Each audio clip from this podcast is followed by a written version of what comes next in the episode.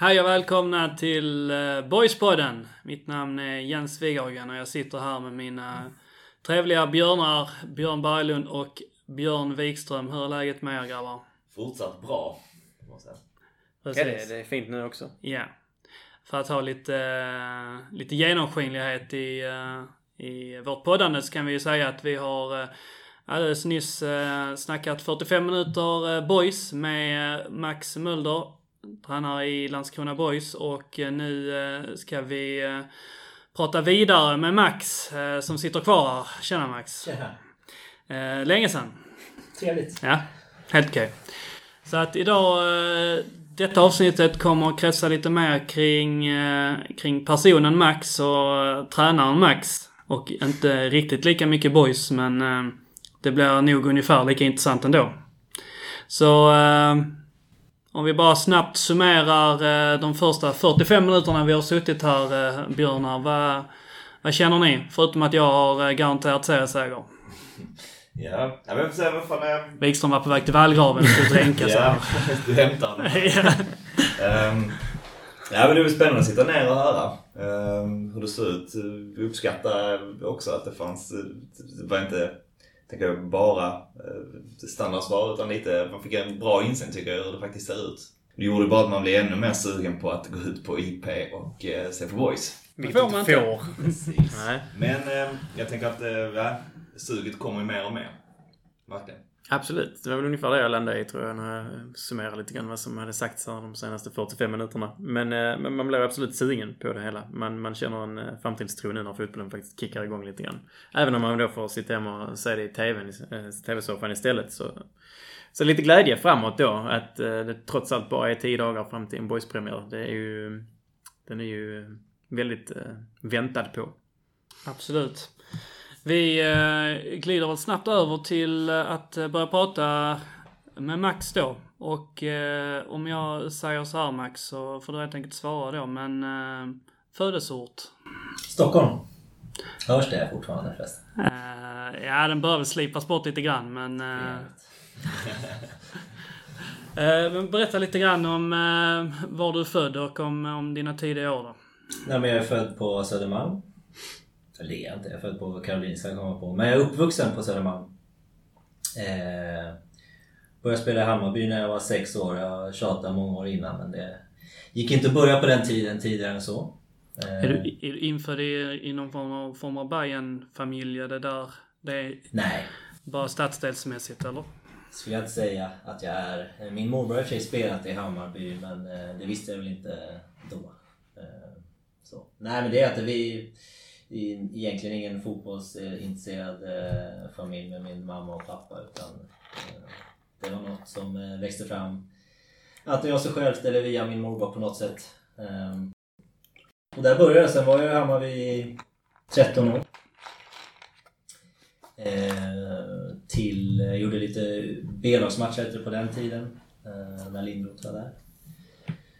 Och ehm, sen så hade Hammarby ett, vad är det man ska kalla ett U23-lag som spelade i division 3 på den tiden kanske? Något sånt? Hammarby... TFF, Hammarby TFF, eller det är det som Precis, åtminstone blev det. ett lag som heter Pröpa. Fett namn. Mm. Vet inte vad det står för. ehm, och där var en tränare som hette Tommy Davidsson. Som, jag vet inte om han är kvar i Djurgården men kan vara.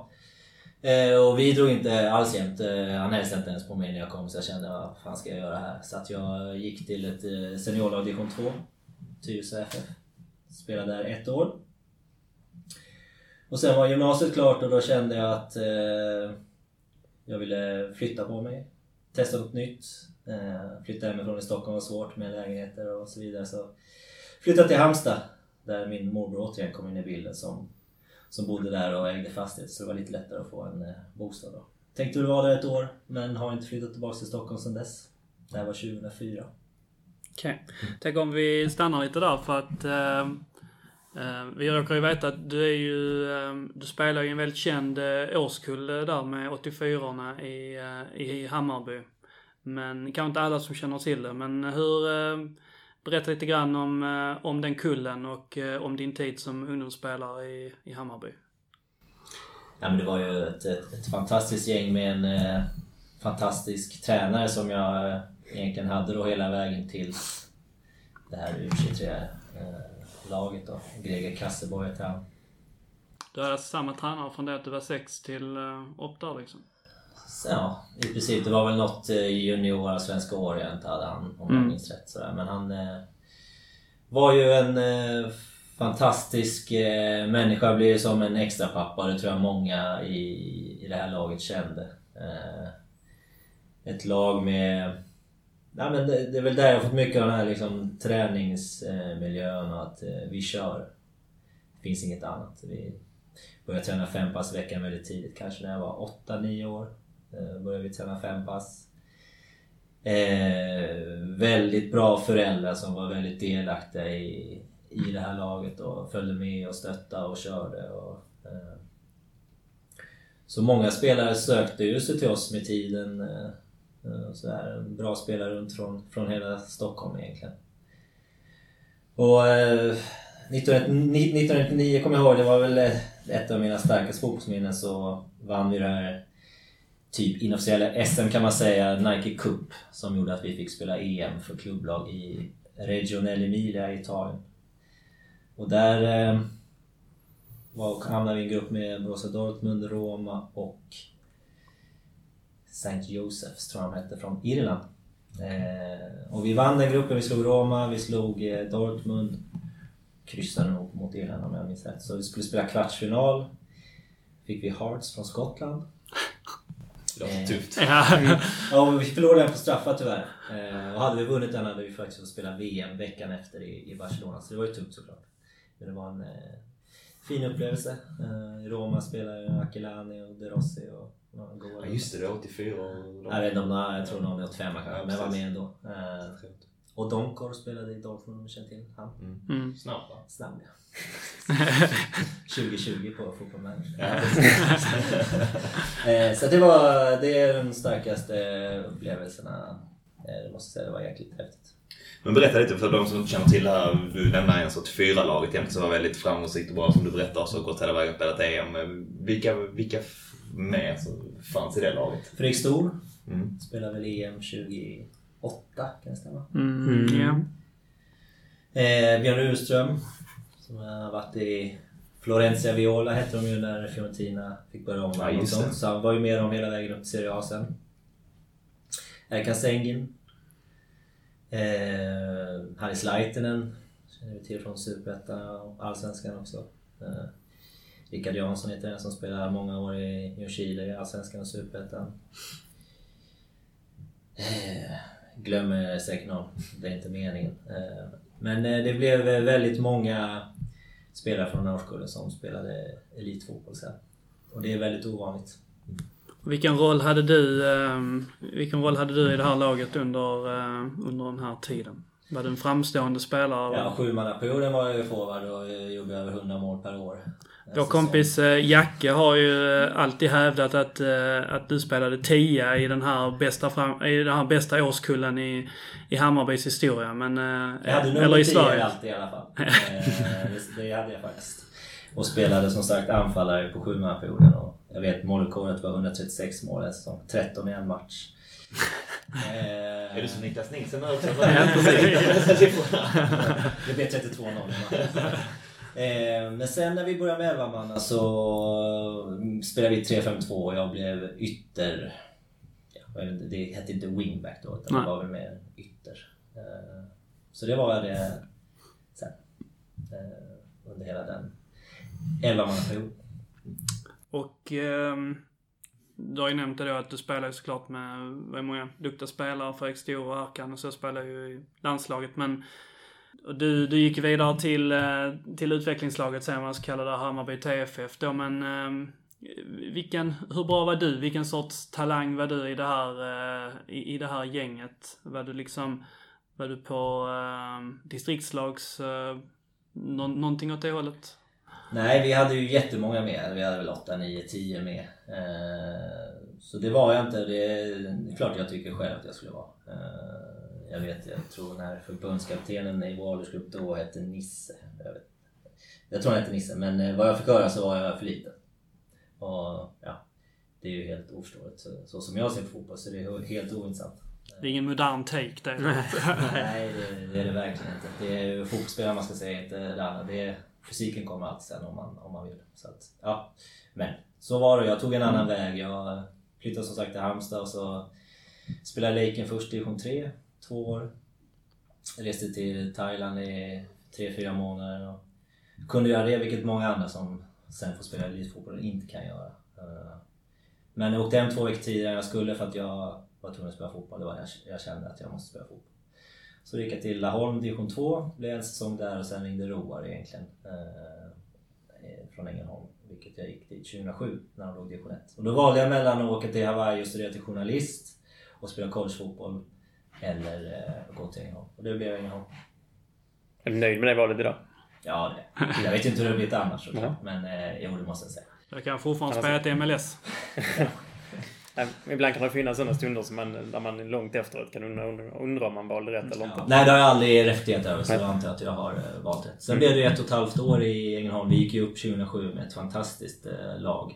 Just upp till Superettan då. Precis, sen spelade jag ett halvår där.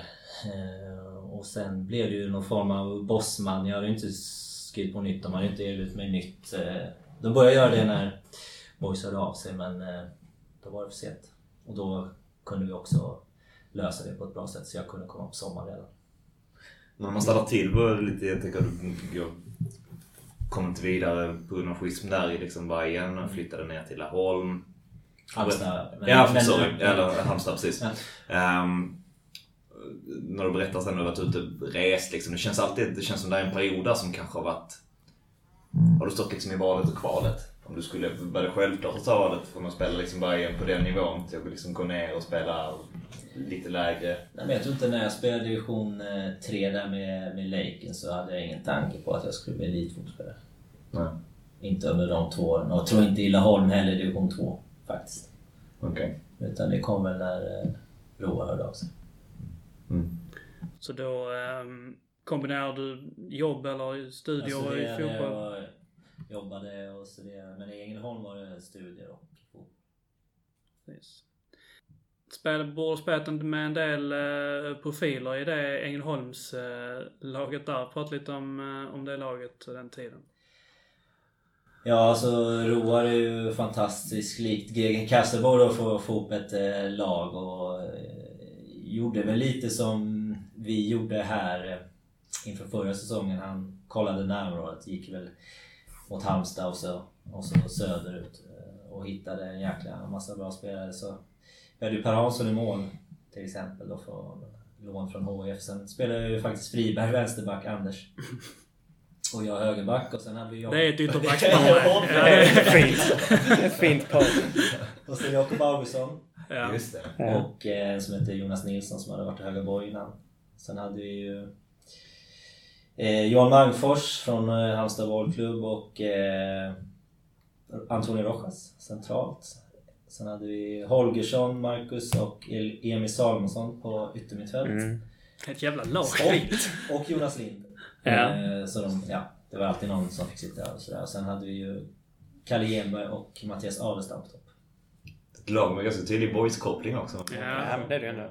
Ja, det var ett jätte, jättefint lag. Låter som ett bra division 1-lag. Det var det. Vi hade väl efter våren 10-1-1 i rad. Och sen eh, bar du av till, till Boys. Eh, men eh, de- definiera igen. Hur, hur gick det till när... Eh, hur gick själva övergången till då? Ur, ur ditt perspektiv. Vad hände? Eh, per Harrison hörde av sig. Eh, Vilket år är vi inne nu på är nu? alltså det på 2008 när... Eh, efter, ja, vad blir det då? När första juni börjar va? Det är då man Mm. har sex månader kvar på kontraktet. Så eh, hörde han av sig. Och då är jag precis på gång med ett nytt kontraktsnack med Ängelholm. Eh, och jag vet inte, men jag får för mig att det kan också varit en liten brytpunkt för Ängelholm att eh, att där och då när de kände att de eh, tappade mig där eh, att de kanske där då började erbjuda lite mer eh, pengar till spelarna. Jag tror att de... Det, det är min känsla i alla fall. Mm. Eh, in, det var ingen, jag fick verkligen ingen jättelön här men det var ändå, ändå skillnad. Liksom. Jag tänker på den tiden när man spelade boys så måste det ändå varit...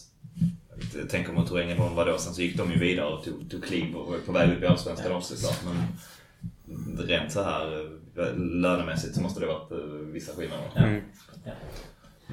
Så så var det. Och sen eh, hade jag en bra dialog med, med Roar och han sa... Jag, jag spelade inte nästa match då när jag hade blivit klar för Landskrona. Vi mötte LB, kan det ha varit, LB 07 hemma eller något. Eh, och sen efter det så löste man någon liten summa så att vi kunde få den här övergången gjord. Ja just det, för annars skulle du gått som bossman på hösten eller efter hösten där då egentligen. Precis, jag skulle spela klart halvåret, det är ingen aning. Ja. Var det liksom en enkel process det där blev det, eller var det liksom fanns det? Ja, det tror jag. Jag tror Ja. Och för dig själv då, var det, ett, eh, var det ett lätt beslut eller var det någonting som du verkligen stod och valde mellan det ena och det andra? Eller var Nej, det var, det var lätt där och, alltså, eh, Jag har verkligen Ängelholm och Roa tackat för mycket att de gav mig möjligheter. Men det var, alltså Landskrona Boys är ju en riktig fotbollsklubb. Det kände jag ju till. Jag har ju varit på Söderstad hela mitt liv och sett eh, mål där och så vidare. Så jag vet ju vad Landskrona Boys är och min känsla var eh, redan då att det känns lite som Skånes Hammarby. På vilket sätt tänker du? Jag tänker lite såhär arbetarlaget och försöker spela en trevlig fotboll. Vad hade du Det för... tänker jag aldrig jag har tänkt på tidigare kanske. Eller hört tidigare. Och eh, hur... Eh, precis då att du, du känner igen den kopplingen, men hur, eh, hur upplevde du Landskrona Boys under tiden du spelade då? För jag antar att du inte mötte dem innan, du hade aldrig mött Boys innan du... Jo, med Ängelholm. Med, ja, med, med Ängelholm 2008 menar jag. Men att det var första, första där då. Mm. Så att vad, vad hade du liksom för, vad hade du för tankar och syn på, på Landskrona och Landskrona Boys när du då anlände hit? Fick ju lite info, jag kände ju, Gemar hade ju redan kommit. Han lämnade Ängelholm efter 2007. Och det är ju en eh, god vän, så jag hade ju lite koll redan innan. Eh, Men eh, jag vet, jag, min första match var Enköping borta. Det var likadant där, Dahlgren hade ju också skrivit på för Gais va? Och skulle... Jag kommer inte ihåg om han nu spelade klart hela 2008 eller om han... Men han spelar i alla fall... Jag spelar högerback där och han spelar högerytter i den matchen. Jag vet vi, vi vinner med 2-0. Dahlgren gör båda. Och eh, jag blev matchens spelare, fick ett fiskknivsset. Har du kvar det? Nej. Men sen, sen hemma på Om någon vet var Max fiskar? Så det var ju en bra start att bli matchens spelare. Det var ju kul och vi vann. Och sen hade vi BP hemma matchen efter och jag inledde med bra självförtroende. 10 minuter, gör någon snurr, försöker göra någon snurrfint runt mittplan, blir av med bollen.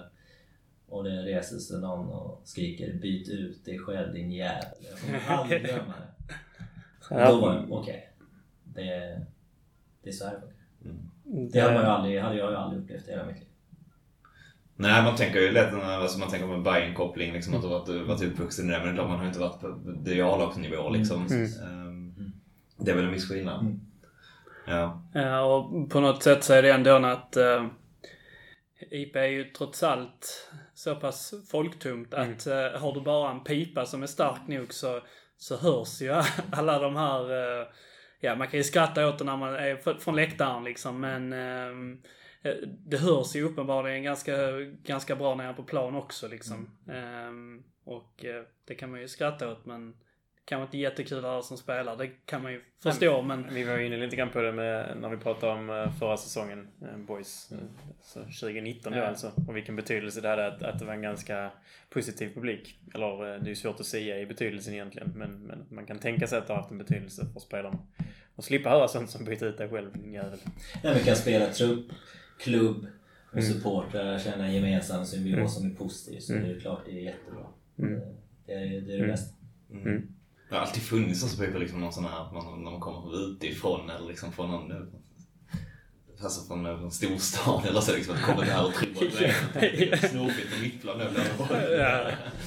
Det är inte Så det bästa, det är inte det bästa sättet Första kvällen i att... Halmstad, jävla fiskmås blev vi kallade. Okej. Vi som insåg att vi hade flyttat dit så blev det mer okej. Ja. Mm. Vi kunde ju aldrig riktigt, vi kunde ju aldrig riktigt acceptera att Sebastian Karlsson såg så jävla snygg ut liksom. Nej, alltså, exakt, det, ja. Han var ju för snygg för att vara målvakt. Så du, du, kan inte, du kan inte stå i mål på IP och vara snygg. Du kan bara vara det ena liksom. Du får välja. Ja. och han valde snyggheten. Ja, men det gjorde han. Det. Raka av håret och får göra max. Men du, berätta, du kommer ändå till en speciell alltså, en situation, en klubb liksom vi snackade innan. Men det var någon form av no, självbilden var ändå kvar. Att man, näst, man skulle spela Allsvenskan, det var en trupp som ändå var bra. Mm. Um, mycket spelare utifrån, du är inne på Sebastian Karlsson. Det fanns ju, det fanns ju ett gäng liksom där som eh, ändå jag tänker bara, det kändes det som att det var liksom rotat här? Eller var det liksom, kom man in, kändes det som att det var mycket folk utifrån så att säga? Något hopplock här och där. Nej, jag kände ingenting sånt. Nej.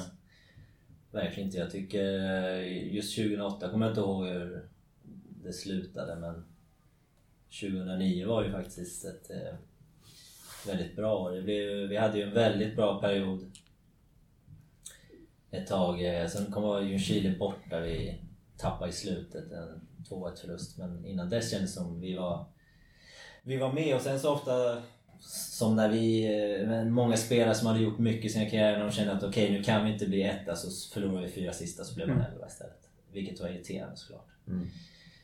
Det var likadant 2010, vi vinner mot Norrköping borta där med 3-1 eller vad det är. De leder ju och vi går väl upp på tredje plats då, på kvalplats.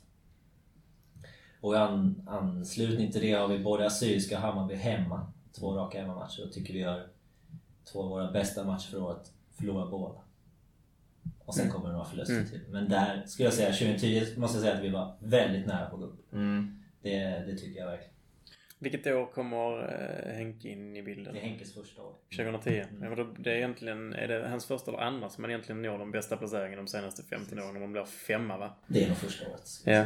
Det, det måste jag det var väldigt, väldigt nära. Ja, det kändes som, jag kommer ihåg, det kändes, där var någon form av, när man tänker tillbaka på det också, nästan en... För mig till 2010, där det också sommar, du säger den här Norrköping-matchen. eh, Men ehm, det var Surprise som också liksom någonstans får sitt genombrott då på sommaren. Det är lite sval på våren liksom, och får ett supergenombrott där på sommaren. Och också där finns många bra spelare Ja. den tiden. Mm. Eh, verkligen. Sen tappade vi ju Johan Persson som vilket jag tror var ett otroligt tungt Mm. tapp efter 2010. Just det. Mm. Många av dem, eller många, men som spelar Nilsson och vem var det mer som berättade? Linus Olsson också. Benämnde honom som den bästa spelaren de har, har spelat med. Mm. Jocke Persson. Jocke Berg, men, men, men jag, sa, Johan. jag sa Johan va? Du sa Ja. ju... Johan. Ja. Men jag håller med, Jocke Persson är ju den bästa jag har spelat med också. Mm. Utan tvekan. Men Johan han var vass också på mitten då. Ja, det är fortfarande bra dessutom. Mm. Mm. Ja, tyvärr. Och sen så rullar det på när du är kvar i Borg som spelare fram till 20, 13 är sista året. 2013. Jörgens första år. Just det. Och också näst sista i Superettan. Precis. 14 Blir det år. då, va? Mm. Precis. Så du lämnar en säsong eh, Nej, innan. vi har lämnat, jag Nej. blev... eh, Fick lämna. Ja. Så hur gick det till där då? Och, Nej men jag hade ju eh, konversation med Aronsson redan på sommaren 13 att vi eh, skulle kolla på förlängning. Och det kändes det, även efter sista matchen i Sundsvall hemma när. Kallan Guldenäs eh, spikar igen här.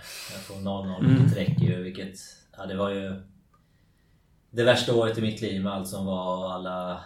Ja, ja vi hade ju Mr Fuskare Lecce där ju som eh, förstörde det året och det var en otroligt svart period eh, i mitt liv. I, det var bara mörker att komma till träningen. Och Mm. Jag åker ju själv ut näst sista matchen i, borta i Jönköping. Eh, och det enda man tänker är vad tänker alla nu? Vad tänker alla nu? Mm. Så det var en otrolig press för, för eh, oss som inte fuskar så att säga. För att man var rädd Mm. att någon skulle tro att man var en av dem. Liksom. Du blev utvisad i den matchen Jag där blev också. utvisad så jag missade ju sista här. Just det. Mm. Men vad... Och eh, sen eh, har han väl av sig någon vecka efter sist mot Sundsvall och sen så här, det blir inget. Och det var väl ganska många mer än mig som inte fick vara kvar. Ja. Men jag tänker här då, det, just det med, med Lecce, det är ju ett eh, delikat eh, situation eller händelse. Men v- vad, liksom, vad var din syn på, på till exempel Lecce som... Hur, hur var han i, i gruppen? Hur var han i truppen? Och kan Jag du själv säga jag någonting? gillar inte alls han. Nej. Inte från dag ett. Eh, tyckte det var en usel fotbollsspelare också. Jag förstod inte varför han fick spela. Och det gör det ju ännu värre. Liksom. Nej, det är helt oförståeligt med att träna med en gympasko och en fotbollssko för han har ont i foten. Alltså bara så är helt sjukt. Kommer inte han ändå från här? Jag kommer typ från Kalmar eller något sånt. Jo. Han har ju spelat u och hållit på med det där. Ja, okej, okej. Men ja, ja. Så fick vi honom. Det var ju schysst. Ja, okej. Tränar han med, med, alltså med en gympasko? Han En, hade ont i foten. Han hade en gympasko. Ja. Jag fattar inte. Hur, hur var han som person? Som, som lagkamrat liksom. För Jag fattar att han var en usel lagkamrat. Men i omklädningsrummet så, vad, vad var det för typ av figur där? Bara gillat han. Men jag tycker att det här, det, någonstans är det väl så man, man läser om att det, det här kan hända, att man blir utsatt för detta, det liksom sker. Det var väl kanske inte lika mycket på tapeten då som det någonstans är nu när det pratas så betydligt mer om det nu. Men Mm. Kunde man liksom tänka att det här så att man skulle bli drabbad av det på något sätt? Liksom? Vi fick samtal redan på, efter Örebro hemma på eh, försommaren från eh, spelarföreningen. Okej. Linus Malmqvist som sa att eh, det hade varit... Om Linus visste någonting för de hade haft ja, väldigt mycket spel på över 2,5 mål mot Örebro hemma. Det blev 1-2. Så det blev över 2,5 också. Eh, och där vet jag vi pratade om i paus på väg ut, jag och Malmqvist och någon till att Fan, han är sämre än vanligt. Han är sämre än vanligt. Lecce, vad fan håller han på med liksom? Mm. Eh, och jag vet också... Vi hade en som var avstängd som satt på läktaren som såg att så fort vi missar en chans eller någonting så ställer han sig mot någon på läktaren. Så det spelar ingen roll för honom vilka som gör mål. Eh, men sen när de gjorde 2-1 så då vände han och så blev han sitt normala jag igen. Då var ju det klart, då kunde vi ju lika gärna vinna också. Så det är sjuka grejer man fått uppleva. Verkligen. ja, det får man säga. Så hur... eh, Och sen så får du då eh, tack men nej tack av Aronsson om, om jag förstår det rätt där då. Mm. Och vad... Han fick förmedla det i alla fall. Okej. Så, Och vad, eh, vad tror du ligger bakom det där? För att du, du spelar väl... eh, Du är väl ordinarie un, ungefär den säsongen? Nej, jag, vet, jag antar väl att de trodde det skulle bli bättre. Det är väl... eh, Gav de dig någon eh, motivering? Nej. Jag vet inte om jag var så intresserad just där och då att lyssna på det, men... Mm. Eh, nej, det... Nej. Vad tänker du själv är anledningen? Eller vad, vad tänker men du? alla- Vad, tror är vad gick deras tankegångar tror du? Har som tränare också sagt till spelare att det är kanske är bättre att gå någon annanstans. Så att det är ju en del av... Tycker inte själv det är, som, som tränare, det, skulle mycket till för dig att du skulle dra ut någon som har spelat 30 matcher den, den gångna säsongen. Hur... Eh, vad hade de för... För jag tänker det var, det var inte den ekonomiska liksom eh, kostymen som de behövde banta och så. Hur... Eh, Ingen aning, men de, man kan också fråga om du vill spela för hälften och jobba. Alltså, men frågan är fri. Det hade jag gjort i alla fall. mm. Är så. Jag var i den åldern att jag skulle börja tänka på framtiden också. Mm.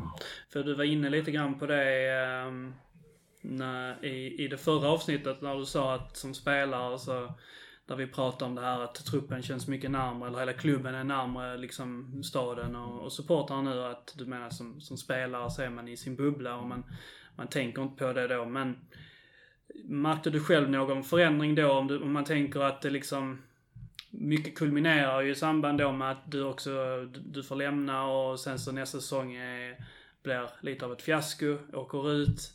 Um, märker du av någon förändring liksom i klubben under din tid där, där det liksom saker och ting känns annorlunda i, ifrån styrelsen och ifrån i omklädningsrummet och så? Nej. Eh, jag tror vi har samma... Aronsson är med under hela min period här. Och jag tror eh, Kenneth Åkesson är ordförande under hela min period. Kanske Gabbe sista året. Jag är inte hundra där.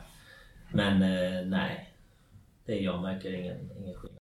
Menar du det ur en, menar du då ur en positiv eh, benämning eller i en negativ? Alltså hur... Det vet jag inte heller, jag har inget att jämföra med. Men jag...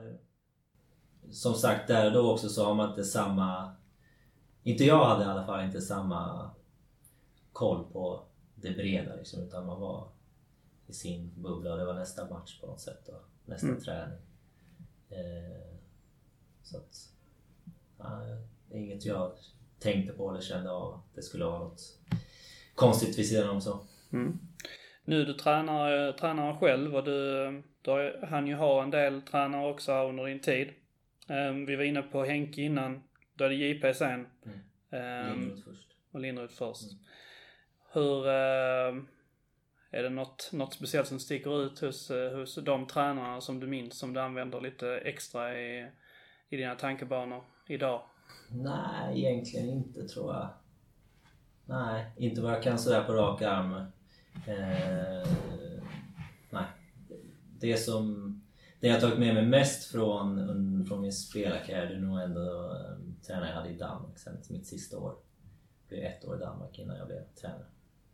Eh, det var väl första gången jag kände att man verkligen fick allt. Så du fick eh, bra träningar kopplat till hur vi ska spela Mm.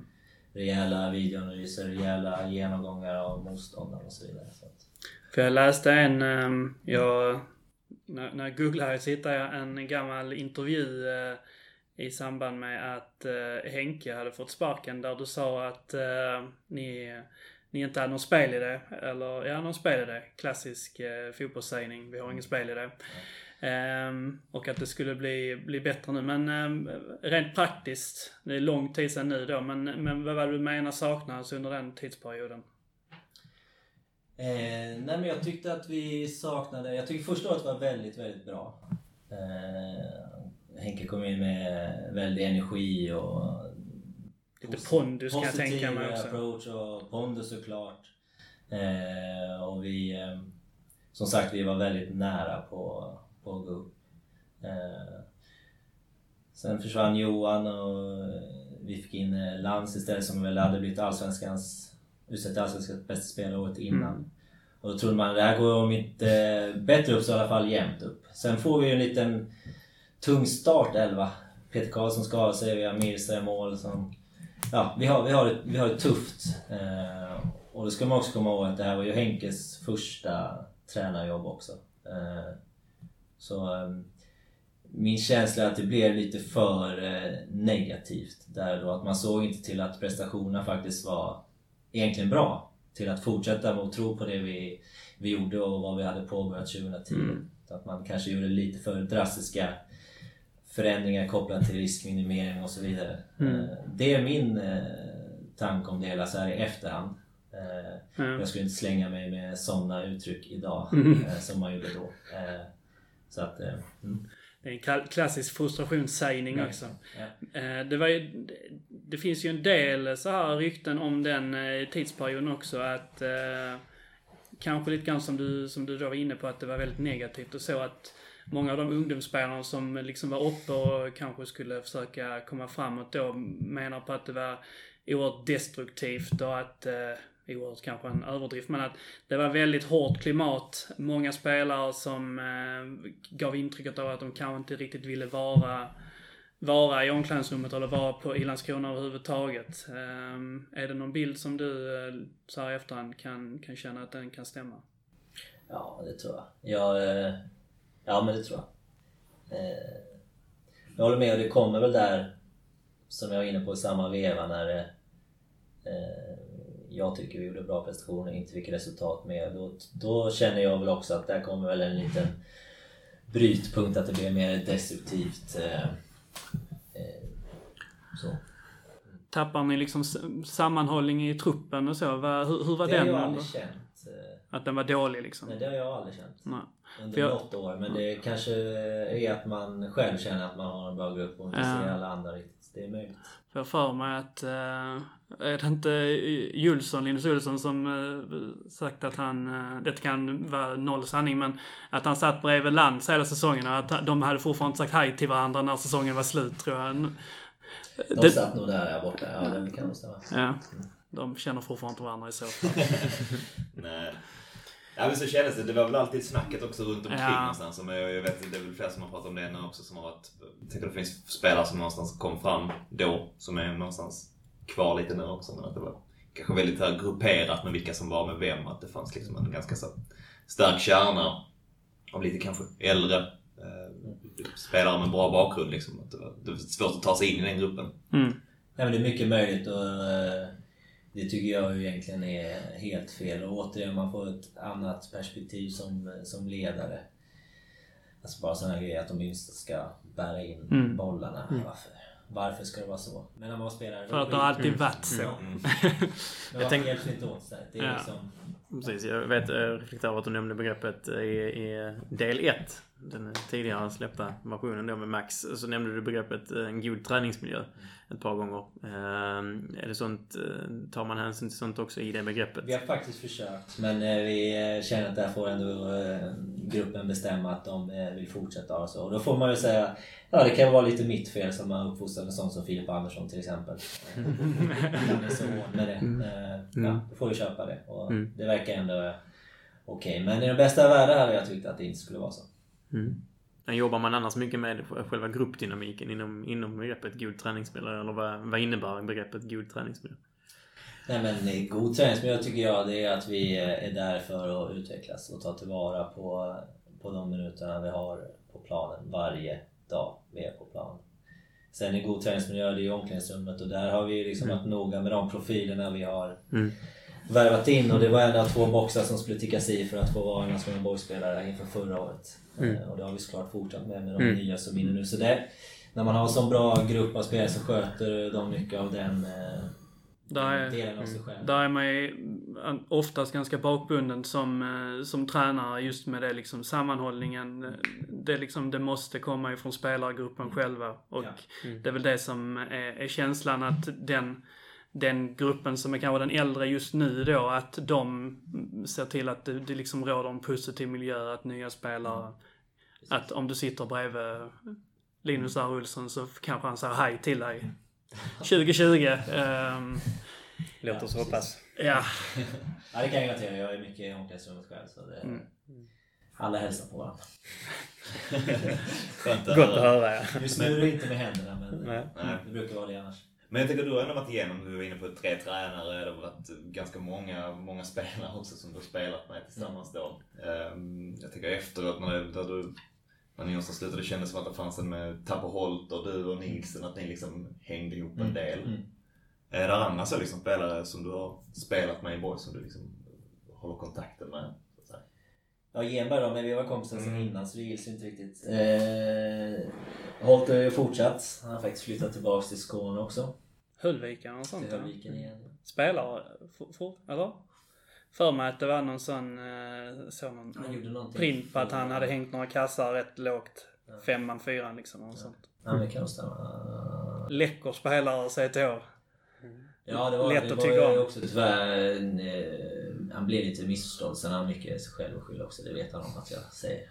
Sin tjurighet. Men eh, det var ju en väldigt fin spelare. Mm. Eh, jag var ju väldigt nära både Johan eh, Persson, vi hörs ibland, och PC är väldigt nära nu. Var det för länge sedan vi hördes. Cederqvist alltså? Ja. Inte Peter Kommer. Jag skulle precis Jag om. nej, nej. Just det, det finns två PC, det är rätt. Eh, Mirza Jelicak. Eh, Var håller han just nu? Han var tränare Just det. Eh, jag är väl ingenstans. Nej, precis. Rydström tog hans eh, roll. Ja, de hade delat förra året. Mm. och så. Ja. Eh, ja. Linus Olsson träffar man ju, den riktiga Linus Olsson. träffar man ju där då. Eh, eh, hans dotter går ju i min sons klass. Ja, okej. Eh, ja. Pidde, Peter Karlsson. Kommer hit i sommar också. Hälsa på. Eh, så vi brukar förs- försöka ses varje sommar. Okej. Eh, det var också en fantastisk målvakt för övrigt. Mm. Han kallade en Wayne Rooney i mål också med sin eh, eh, kraftfullhet. Alltså, hans längd spelade ingen roll utan han vann det som skulle vinnas i luften ändå. Eh, Han gjorde det om ett par år han är... ja, han var ju här när jag kom. Mm. Så han kom nog inför, inför 2008.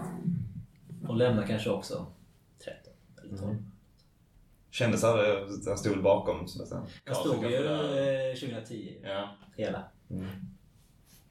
Sen skadade han sig. just det. Ja, nej, men det är väl dem. Mm. Mm. Och sen ehm, så eh, blev det då Danmark där du hamnade under en bra tränare nämnde du då. Hur, eh, hur kom sig liksom den, den eh, kontakten med, med Danmark? Hur, hur hamnar man dit? faktiskt. Okej. Ja. Fin vänster. Ja, fint. Eh, nej, först var jag i Kongsvinger eh, några dagar. Eh, fin, klassisk gammal spelare som tränar. André Bergdöl som var med i Bergdölme? Ja, Ajax. Rosenborg under sina och i Ajax. Med, ja. Eh, men jag kände bara, fan, ska jag flytta hit och familj och... Nej, det får vara. Eh, sen via Thomas Raun så... Jag ringde egentligen och kollade bara om han kände någon sådär. Det gjorde han och så hörde de av sig och sen åkte jag dit och tränade från januari då, 2014. Och eh, även Linus R. Olsson också. Mm. Så det blev ett kul år där vi... Eh, de har ju som sagt... Eh, ska vi se så man säger rätt. Höst... Vår va? Precis. Ja precis. Det tre eller något sånt där? Så att vi, de låg väl fem, de hade fem, på, fem poäng upp för att klara sig kvar i danska motsvarigheten till Superettan när vi kom. Men vi klarade oss kvar i sista omgången i en otroligt sjuk match. Vi behöver kryss och ligger under med 3-1 i 89 minuter eller något och det blir 3-3. Låter som eh, danskar firar när de lyckas med det. Ja, det gjorde vi. Det var bra. Jag, jag fick ett jack i, det var ovanför ögat någonting så jag blev utbytt i slutet. Fick se de där två målen från bänken. Så det var glädje. Så jag sket i att åka till sjukhuset och fixa det. det. Mm. Som sig bör. Ja, verkligen. Eh, och sen eh, hann jag då med ett, första halvan av nästa säsong då. Okej. Innan jag innan Hittaping.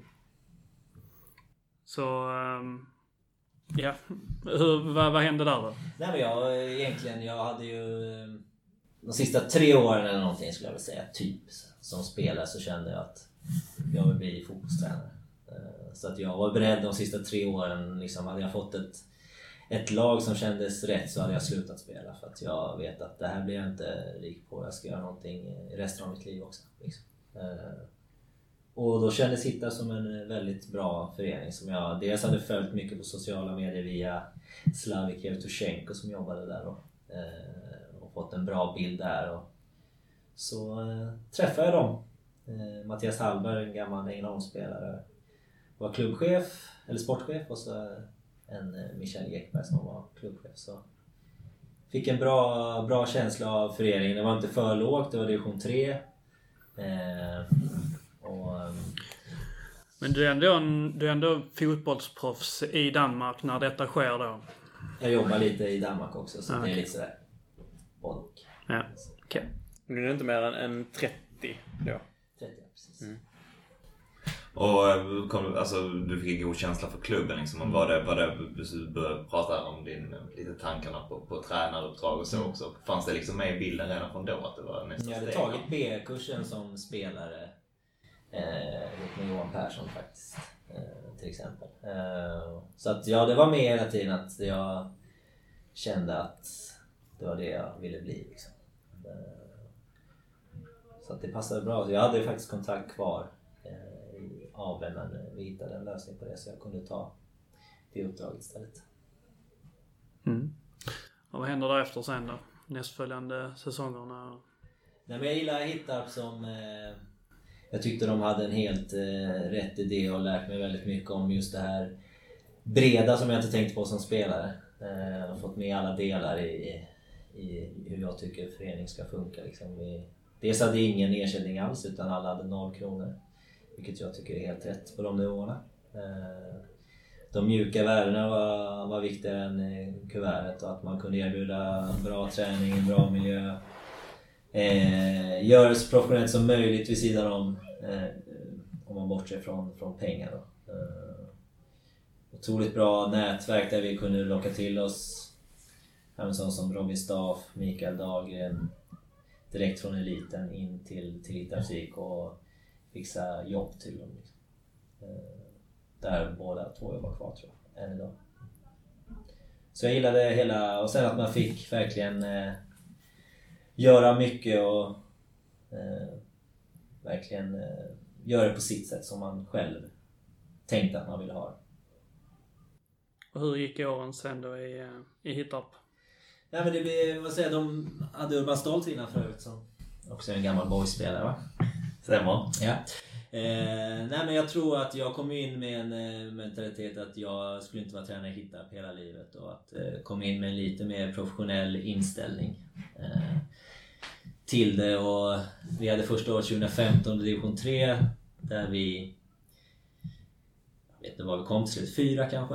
Eh, och där eh, de här spelarna då som kanske inte ville lägga ner tiden eh, försvann av sig självt. Vi var ju inte en sån klubb som sa att du får inte vara kvar. Så, de eh, kände väl det själva, att det blev lite för seriöst. Och kunde man fylla på då med Staff kom ju till division 3-säsongen till exempel och lite yngre spelare.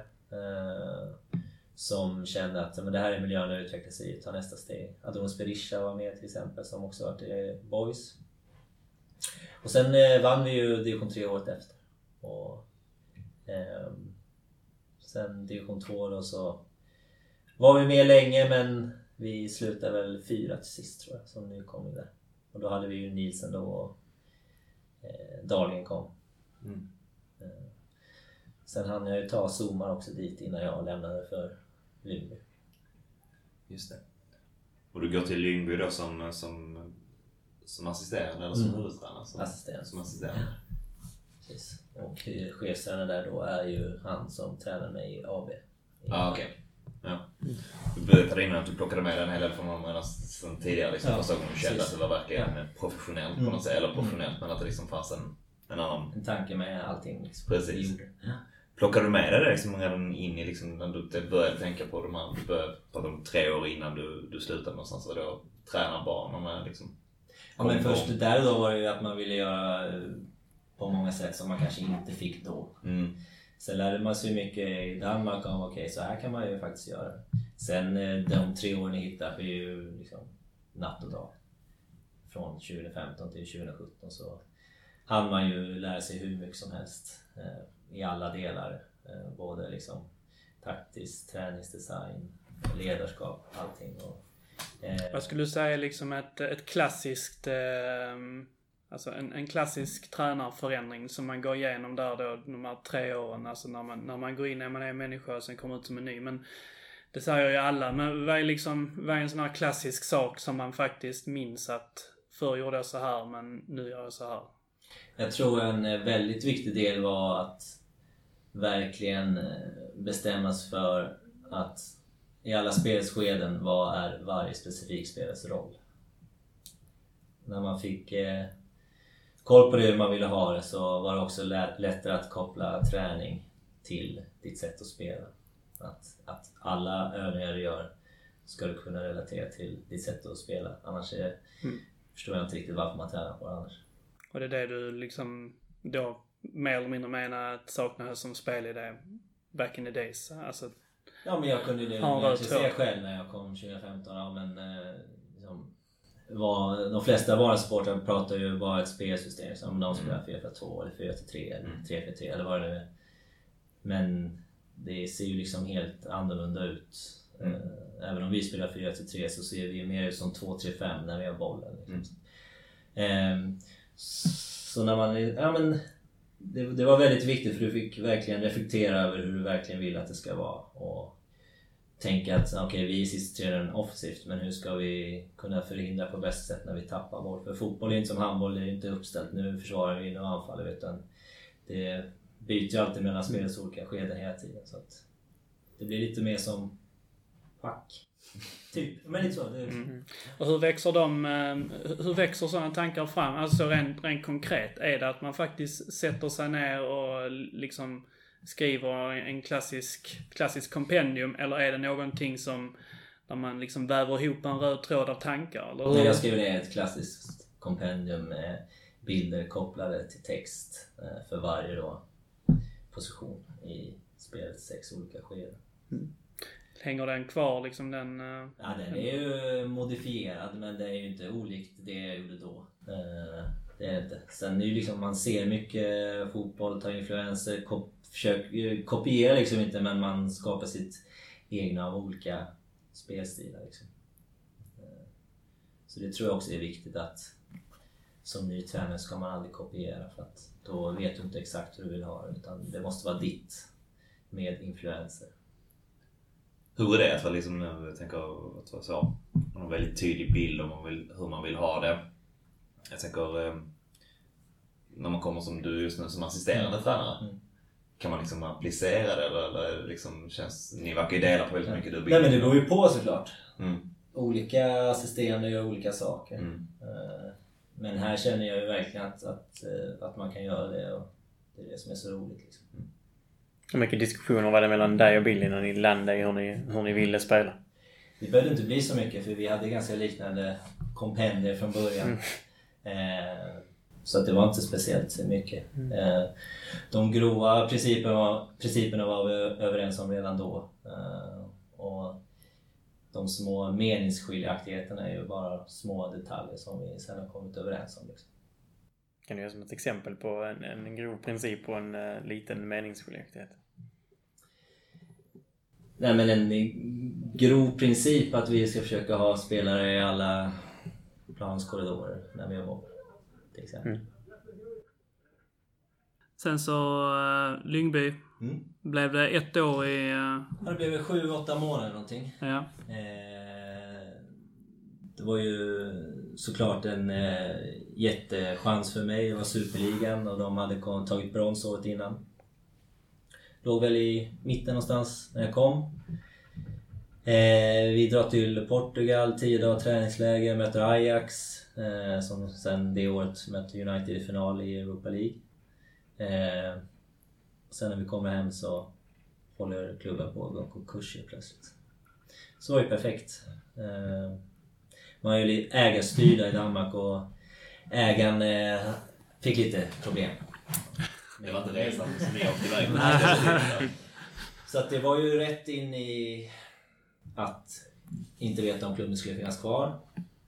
Om du skulle få någon lön, vilket vi inte fick på ett tag, men allt kom retroaktivt till slut.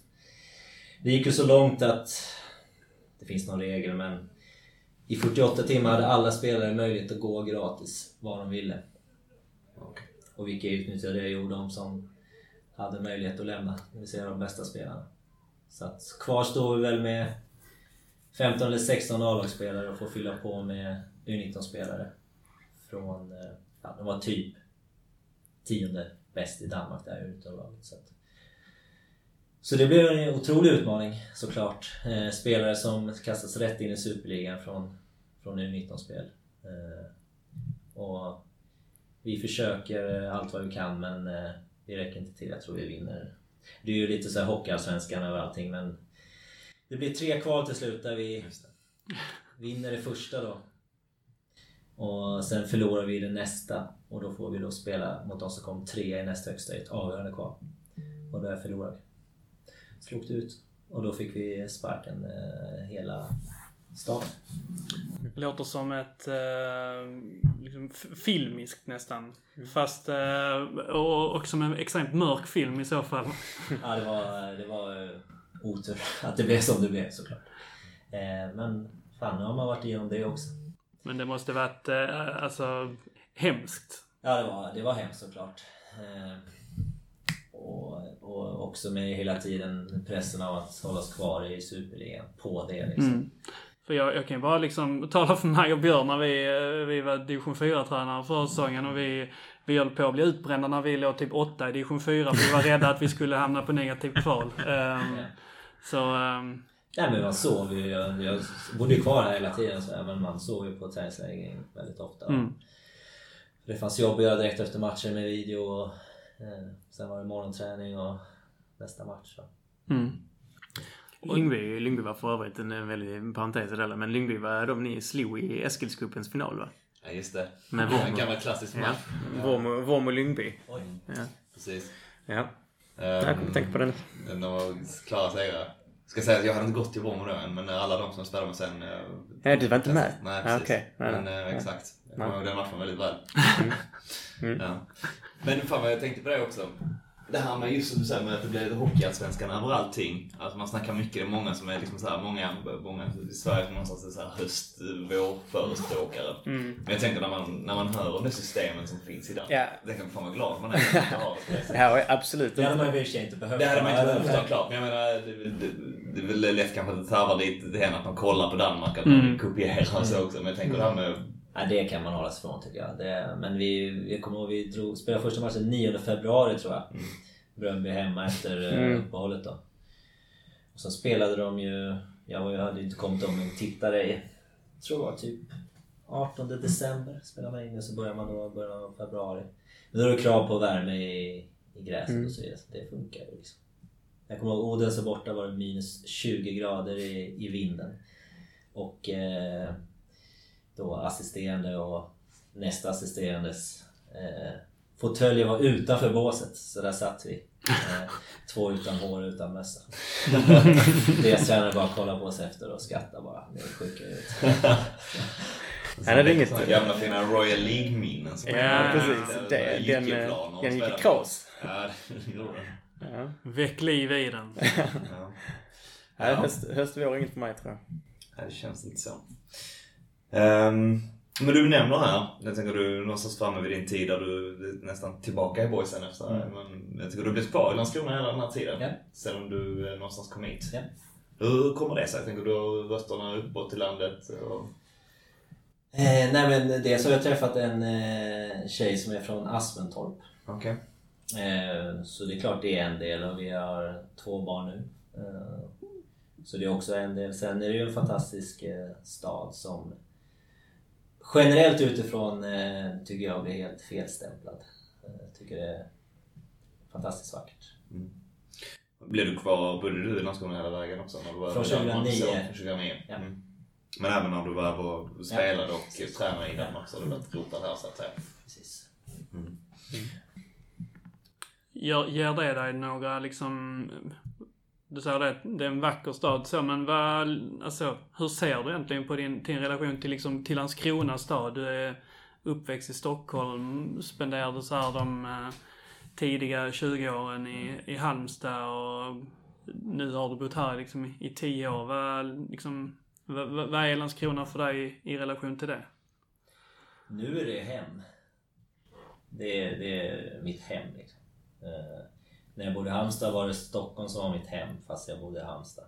Även om jag tyckte det var skönt att komma därifrån när man väl besökte dem. Sen är det ju jättetrevligt att besöka Stock Stockholm idag också.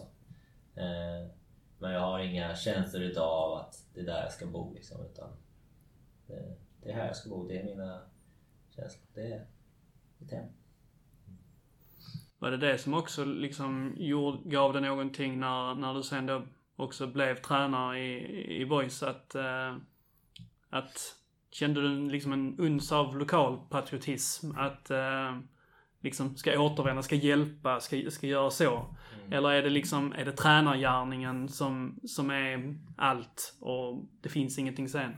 Nej, det är nog eh, det, är nog eh, det förstnämnda. Jag vet inte om det smittar av sig men Landskrona är ju väldigt patriotiskt, det är min känsla i alla fall. Så att, och under hela tiden, dels känner man ju att det kanske inte helt gick rätt till. Man tyckte själv att man var värd att få stanna och att på något sätt hade många tankar redan då. Liksom, men hur bra det kunde vara och eh, så mycket man har lärt sig under de åren man har varit borta som man vill ta med sig in och som man tror är rätt väg. Liksom. Och sen när det hade samklang med, med nuvarande styrelse och deras visioner framåt så, så kändes det ju helt perfekt. Liksom. Att få verkligen göra det både jag och Billy som vi tror på stenhårt liksom, är rätt väg för den här klubben. Men för du nämnde inte, du först nämnde liksom att du måste känna att du vill tillbaka från, från upprättelse eller upprättelse. Men lite, alltså, men få liksom vara med och så göra det tillsammans med Billy. Men vad är liksom ditt... Eh, känns som en person som, eh, som är... När du gör saker så gör du det fullt ut. Vad har du liksom för mål med din tränarkarriär så att säga? Mitt mål är att bli en topptränare i Skandinavien. Det det. Och ehm, är det liksom uppdelat? Många, många delar väl upp sina liksom, med olika delmål. Liksom, man vill dit där inom de åren. Och, Nej, nej, nej. Nej, så nej. Så har jag nog aldrig tänkt, varken som spelare eller som tränare, utan just nu så vill jag att Boys ska minst till Superettan.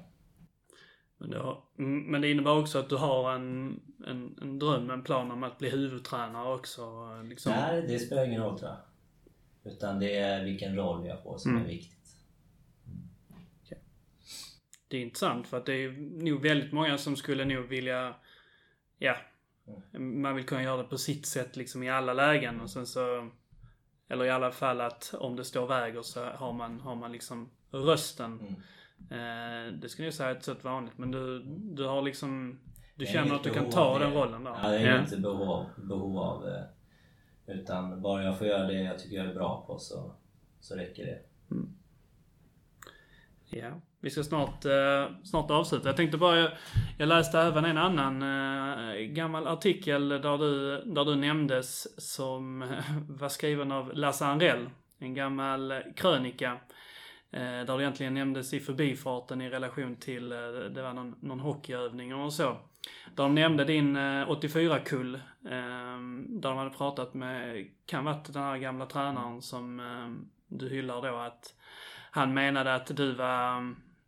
Det var egentligen du som var motorn i den här gruppen. Att du kanske inte var den mest talangfulla men utan din, din vinnarinstinkt, din, eh, din vilja Eh, att alltid tävla, att alla träningar skulle bli, eh, ska vara liksom ett måste. Så, så formar du den, den gruppen där liksom. Är det någonting, eh, kände du igen dig, känner du igen dig i den beskrivningen? Det är många som säger det. Är alltid svårt att se på sig själv utifrån men... Ja, det, är- det är viktigt för mig liksom att på något sätt... Det är ju likadant nu som jag var inne på innan att komma inte hit en tisdag och ger allt så vad fan håll dig hemma. Liksom, det blir inget bättre av varken du eller vi som lag liksom. Utan eh, ska vi nå de målen vi vill så gäller det att alltid börja med att ge allt. Liksom. Det ska man alltid kunna kräva av en spelare som spelar Landskrona Boys. Eh, ge allt, det, det är nummer ett. Och det är också liksom, fotboll är en fysisk sport. Löper du inte, är du, tar du inga sprints så vidare, så vidare så spelar ingen roll hur skicklig fotbollsspelare är för att då blir du överkörd. Så att, ja, det, det tror jag nog. Det Mm. stämmer. Okej, ehm, vi har tuggat på rätt bra så jag tänker att vi uh, nog bör närma oss slutet. Jag skulle bara vilja egentligen avsluta med, med någon lite mer klassisk övning så um, uh, nostalgikern i mig liksom vill, vill få fram. Så jag säger så här att jag vill att du ska plocka ut din, uh, ifrån din tid som spelare i Boys, du får inte använda någon spelare som spelar nu. Ehm, så ska du plocka ut dina två favoritmålvakter, försvarare, mittfältare och anfallare. Och eh, en kort motivering till vad de gör med dig liksom. Två varje. Ja. Och ingen som spelar nu. Ingen som är aktiv, alltså ingen aktiv spelare i Landskrona Boys. Nej. Ja, Peter Karlsson. Eh, så inne målvaktens Rooney. Tyckte... Jag är mer eh, för eh, kanske så här lite kortare målvakter. Jag har inga problem med det i alla fall. Utan var kraftfull, eh, otroligt reaktionssnabb eh, på linjen. Eh, egentligen väldigt fina fötter, även om vi inte använde det så mycket på den tiden. Så Peter Karlsson. Och sen säger jag väl eh, Sebastian Karlsson. Eh, fantastisk eh, kille i omklädningsrummet och alltid på gott humör och såg till att alla hade det bra. Så att eh, Sebbe Karlsson får mig också. Två försvarare. Jocke Persson då såklart. Ehm, ja, Linus och Nielsen sa väl det själva men helt otroligt vilka passningar och vilken spelförståelse och hur han kunde byta linje med passningar man själv inte såg. Liksom. Det var fantastiskt. Eh, Så tar vi Malmqvist. Som eh, kamperade innanför mig så många år och som lagkapten och hur mycket det betydde för honom. Eh, Jag vet inte om alla vet men det tog hårt när det gick emot och han var väldigt stolt och glad när det gick bra. Så att Malmqvist eh, tar vi där också. Sen tar vi ju Tapper Holte såklart som en av eh, mittfältarna. Eh, CTH! Nej men den eh, verkar ju dock uppskattad av många men också väldigt missförstådd av många tror jag. Mm. Som, eh, skulle jag säga, kastade bort sin eh, karriär på att vara för tjurig. När han, inte, när han blev missförstådd av vissa tränare. Så att säga.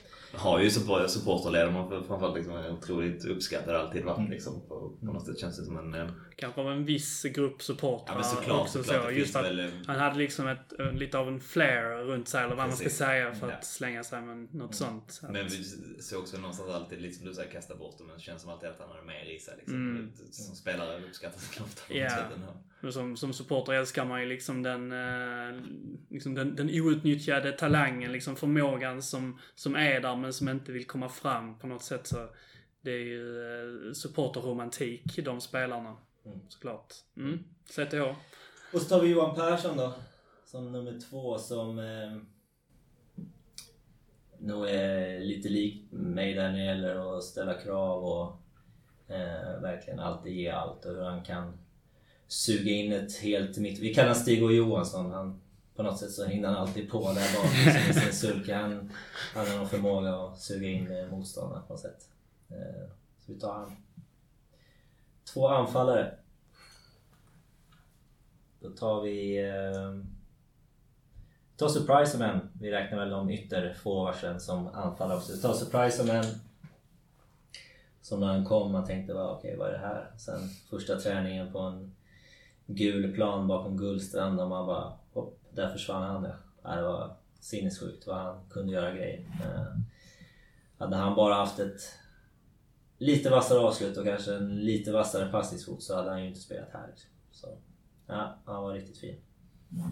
Och så tar vi Cederqvist som sista. Eh, ehm, nej, men han, eh, var, han är ju en sån fantastisk eh, människa på alla sätt och vis. Genomsnäll. Eh, och sen en helt annan på planen, otrolig kraftfullhet och också en som alltid gjorde allt för laget. Och kryddade det med några goda baljor också. Så. Jag har en lite så random historia om eh, Per Cederqvist att jag, eh, jag var på ett gym i Malmö en, eh, en period för um, drygt ett år sedan, ett och ett halvt och då eh, då tränade jag på samma gym som Baskim Soppi, Agims eh, bror som också, eh, ja, han var väl en lite bättre fotbollsspelare, lite eh, bättre karriär. Ehm, så pratade lite grann med honom då. Eh, Snackade lite boys och lite fotboll och så. Han, eh, han gillar att dra lite historier så om sin karriär, Baskim. Så berättade han då om, om, lite om vad han har spelat så. Så berättade han att han varit i, i Norge en sväng då, att det var toppen, 100 000 svart varje helg och eh, han bo, äh, varje månad. Ja, Grym lön. Fick lön till helgen också. Ja. Gör vad du vill. Han bodde dessutom på hotell hela tiden där för att de, de ägdes av någon hotellmagnat. Han spelade i något av eh, Fredrikstad, och någon håla liksom. Ehm, och eh, tränaren där gillar honom som fan. Eh, där, liksom en viking där bak.